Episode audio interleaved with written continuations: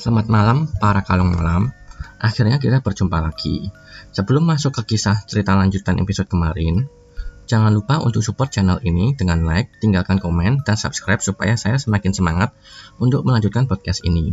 Jadwal publish dari podcast ini adalah setiap malam Jumat pukul 9 malam. Oke, tanpa basa-basi, aku mulai saja lanjutan kisah pengalaman pengalaman nyata mistis di malam ini. Awalnya, narasumber nggak yakin mau cerita ini, karena dari sekian banyak pengalaman horornya, ini adalah salah satu kejadian yang menurut dia paling seram, membekas bahkan sampai sekarang. Dan jujur, aku masih rada merinding kalau dengar ceritanya saat itu. Jadi, sebelum aku masuk ke ceritanya, aku cuma mau bilang, kalian boleh percaya atau nggak percaya, kalau ada yang kalau ada yang lain yang senantiasa hidup bersama kita. Terlepas dari itu, kita harus menghormati Kalian boleh percaya cerita ini atau tidak, terserah kalian. Percaya nggak percaya tergantung kalian bagaimana menyakipinya. Awalnya aku juga tidak percaya dengan cerita ini. Bagaimana bisa makhluk yang tidak ada wujud kasarnya bersentuhan dengan manusia yang notabene memiliki raga kasar? Tapi setelah mendengar ceritanya dan saat menulis skrip ini untuk podcast, kepalaku selalu terasa pusing dan merinding. Tapi kalau menulis kisah yang lain nggak, cuma khusus cerita horor di channel ini aja kepala terasa pusing dan gak nyaman. Mungkin cerita ini memang benar adanya, sehingga mungkin ya mengundang makhluk horor yang ada sekitarku. Tanpa babi bu lagi, aku langsung masuk ke ceritanya aja. Akhirnya, hari pertama, aku akan menempati kamar baru di lantai dua telah tiba. Saat hari mulai petang, teman kantorku si Bambang tiba-tiba memanggilku, sehingga aku terlepas dari lamunan saat memandang kosong ke arah layar komputer. Bro, Lu nggak pulang? Bentar lagi maghrib loh. Aku pun ters kembali tersadar di lamunanku. Saat kulihat jam dinding, memang saat itu sudah hampir mendekati maghrib. Aku pun bergegas merapikan dokumen yang berserakan di meja kerja dan mengemasi barang-barangku untuk segera kembali pulang ke rumah kos. Akhirnya malam pun tiba. Inilah hari pertamaku aku menempati kamar kos baru di lantai dua. Pindahan kamar dilaksanakan dengan cepat dan singkat, karena barang-barang sudah dicicil sebelumnya. Selain itu juga, kamar sudah disapu dan dibal kembali. Saat aku memasuki kamar baru, tidak banyak yang harus aku lakukan. Karena tadi pagi sebelum kerja, aku sudah sempat masuk sebentar untuk merapikan kamar. Sehingga aku pun bisa langsung menempati kamar tersebut. Saat sampai di kos, aku pun melangkah santai menuju kamar. Karena lorong menuju kamar sudah dinyalakan lampu oleh si mas penjaga kosnya, tapi tetap aja lantai tiga masih gelap. Entah mengapa ya, aku selalu punya firasat di lantai tiga itu ada perempuan. Aku sih nggak melihat langsung dan males juga sih ngapain juga naik ke atas, yang mana lantainya masih kosong. Kayak kurang kerjaan aja pikirku. Tapi semenjak tinggal di lantai dua, tiap aku pulang kantor, aku tuh pulang dan sampai kantor biasanya pukul jam 8 malam. Setiap melewati tangga menuju lantai tiga, aku merasa ada sosok yang tak kasat mata yang selalu menatap aku. Nantinya akhirnya aku mengetahui bahwa ternyata memang ada sosok yang tak kasat mata di lantai tiga. Tapi nanti aku ceritakan di lain episode. Selain itu, setiap kali melewati lorong menuju kamarku ini, aku selalu merasa seperti ada yang melihatku di balik jendela kamar yang kosong. Kalau yang aku rasakan ya, di kamar satu, dekat tangga dari lantai dua, Aku selalu merasa kayaknya di kamar ini spesial banget. Kayak ada sepasang mata menatap aku di balik jendela kaca. Terus yang kedua ya, dari tangga menuju ke lantai tiga, aku selalu punya feeling kayaknya di lantai tiga ini ada yang selalu menatap aku. Yang mana akhirnya aku didatangi sosok wanita misterius lewat mimpi. Yang tadi sempat aku beri spoiler di episode sebelumnya. Oke, okay, back to the topic. Ya, malam pertama di kamar lantai dua. Malam tersebut, aku lalu berdua dengan adikku. Namun, kami berdua tidurnya terpisah. Dengan maksud kalau seandainya adikku bangun malam untuk lembur, dia tak, tidak mengganggu aku tidur, begitu pula sebaliknya. Adikku ini tidur dekat jendela kamar yang bersebelahan langsung dengan lorong.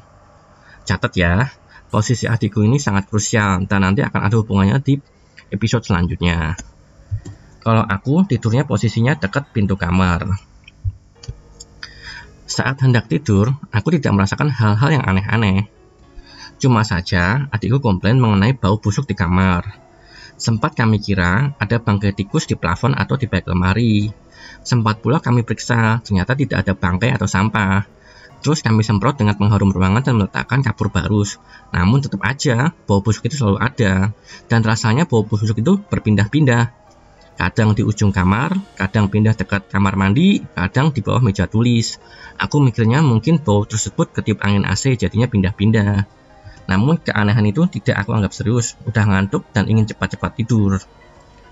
Malam harinya, aku pun tertidur. Entah mengapa, tiba-tiba aku terbangun di tengah tidur. Ada yang tahu nggak kenapa? Sejak dan khusus aku tidur di kamar ini, aku selalu terbangun di dini hari antara pukul 1 malam hingga jam 2 malam. Tapi jika tidur di tempat lain, tidur di rumah orang tua atau nginep tempat lain, aku bisa tidur normal tanpa terbangun di tengah malam. Antara setengah sadar dan tidak sadar, saat kedua mataku setengah melek, mataku terasa panas dan berair. Karena saat itu, aku melihat sosok wanita berambut panjang terurai ke bawah. Rambutnya cukup berantakan dan uraian rambutnya menutupi wajahnya. Cuma aku sempat melihat ujung batang hidungnya yang berwarna putih pucat atau abu pucat. Aku terbangun karena di bagian pahaku seperti ada yang merayap dan keting dan aku merasa ketingginan di bagian paha. Maka aku tidur memakai celana pendek dan memakai selimut. Saat aku membuka mataku, aku melihat sosok wanita berambut panjang ini mirip dengan sosok yang sering aku lihat di film horor waktu aku kecil. Sosok itu mirip dengan sosok kuntilanak. Ya, kuntilanak. Sosok kunti ini yang sedang duduk di samping tempat tidur aku. Sosok ini sedang duduk menggunakan kursi warna merah. Kursinya mirip sekali dengan kursi di meja tulisku. Namun seingatku, kursi ini sudah aku letakkan dekat meja tulis. Selain itu, ternyata aku tidur dengan posisi selimut sudah copot jatuh ke lantai. Yang aku lihat, sosok Kunti ini duduk menunduk dengan tangan dia yang terlihat kurus putih, mungkin itu tulang tangan, sedang mengulus-ngulus paha kakiku. Rasanya saat dielus-elus oleh Kunti ini, seperti dibelai kain yang sangat halus banget, seperti sutra dan terasa dingin. Jujur, pas mengetik bagian ini, kepalaku terasa pusing sekali dan bulu kuduk berdiri. Duh, ada apa ya? Otomatis, aku refleks kaget dan menggerakkan tangan. Kemudian sosok Kunti ini pun hilang.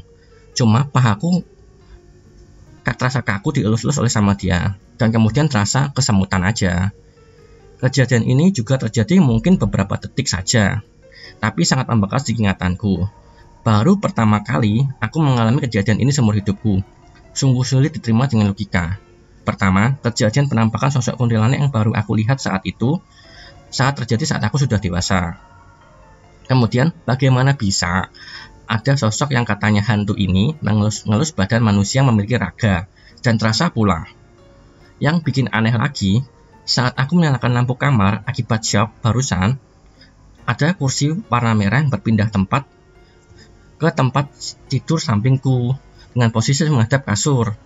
Padahal aku yakin banget aku tidak memindahkan kursi itu dekat kasur sebelum tidur. Kok tiba-tiba udah pindah aja di samping kasurku. Oh iya lupa cerita. Kalau aku tidur, aku suka matiin lampu kamar. Gak gelap total sih. Masih ada cahaya masuk. Cahaya itu berasal dari lampu koridor yang masuk ke kamar melalui jendela kaca atas di atas pintu. Jadi, suasana kamar walau tidak terang tapi masih remang-remang terbantu cahaya masuk dari koridor. Waktu itu masih antara setengah sakit dan tidak percaya. Perasaan hati juga masih denial alias menolak untuk percaya. Jadi saat itu aku belum takut gak karena masih mikirnya capek, mungkin halusinasi gara-gara tidur. Aku pun juga tidak terlalu menceritakan kejadian ini ke adikku maupun orang lain di kos. Selama aku tinggal berdua dengan adikku di kamar tersebut, seperti yang sudah aku ceritakan sebelumnya, selalu tercium bau busuk dan baunya seperti kayu busuk yang dicelup dalam air kelamaan. Bo itu suka pindah-pindah lokasi, kadang di ujung kamar, kadang di dekat jendela, kadang di koridor depan kamar. Bau tersebut selalu muncul pas malam hari. Adikku mikirnya itu bau bangkai tikus atau binatang. Saking sering muncul bau tersebut, kita berdua sampai sering nyetok menyemprot ruangan biar wangi. Tiap tidur di kamar tersebut, aku selalu terbangun tengah malam kayak ada yang sedang menatap ke arah kita gitu. Aku dulu pernah baca artikel Kalau kita sedang dilihatin orang, kita tuh suka nengok secara refleks ke arah tempat orang yang sedang menatap kita karena pengaruh pancaran energi dari orang yang melihat kita. Hal itu mirip yang aku rasakan, cuma bedanya aku nggak bisa melihat ke arah dia. Tapi aku punya feeling seperti ada yang suka menatapku dari kegelapan saat kami berdua tidur. Soalnya, saat aku terbangun tengah malam, ada dua lokasi yang selalu aku tatap langsung ketika terbangun, yakni di ujung kamar dan ke arah jendela kaca atas di atas pintu. Misteri bau busuk tersebut nantinya akan terkuak dari mana asalnya, pasca pengakuan dari si penjaga kosnya masih kadang nggak percaya kalau kejadian ini benar-benar terjadi. Jadi terserah kalian mau percaya atau nggak percaya karena kebenaran hanya milik Tuhan Yang Maha Esa. Dan aku cerita ini cuma ingin membagi pengalaman. Semoga kalian terhibur dan suka cerita ini. Sekian dulu untuk part ini. Pantengin aja channel ini dan jangan lupa untuk klik like, share, leave comment, dan subscribe ya. Karena cerita ini ceritanya bersambung terus dan berkelanjutan masih panjang episodenya. Terima kasih.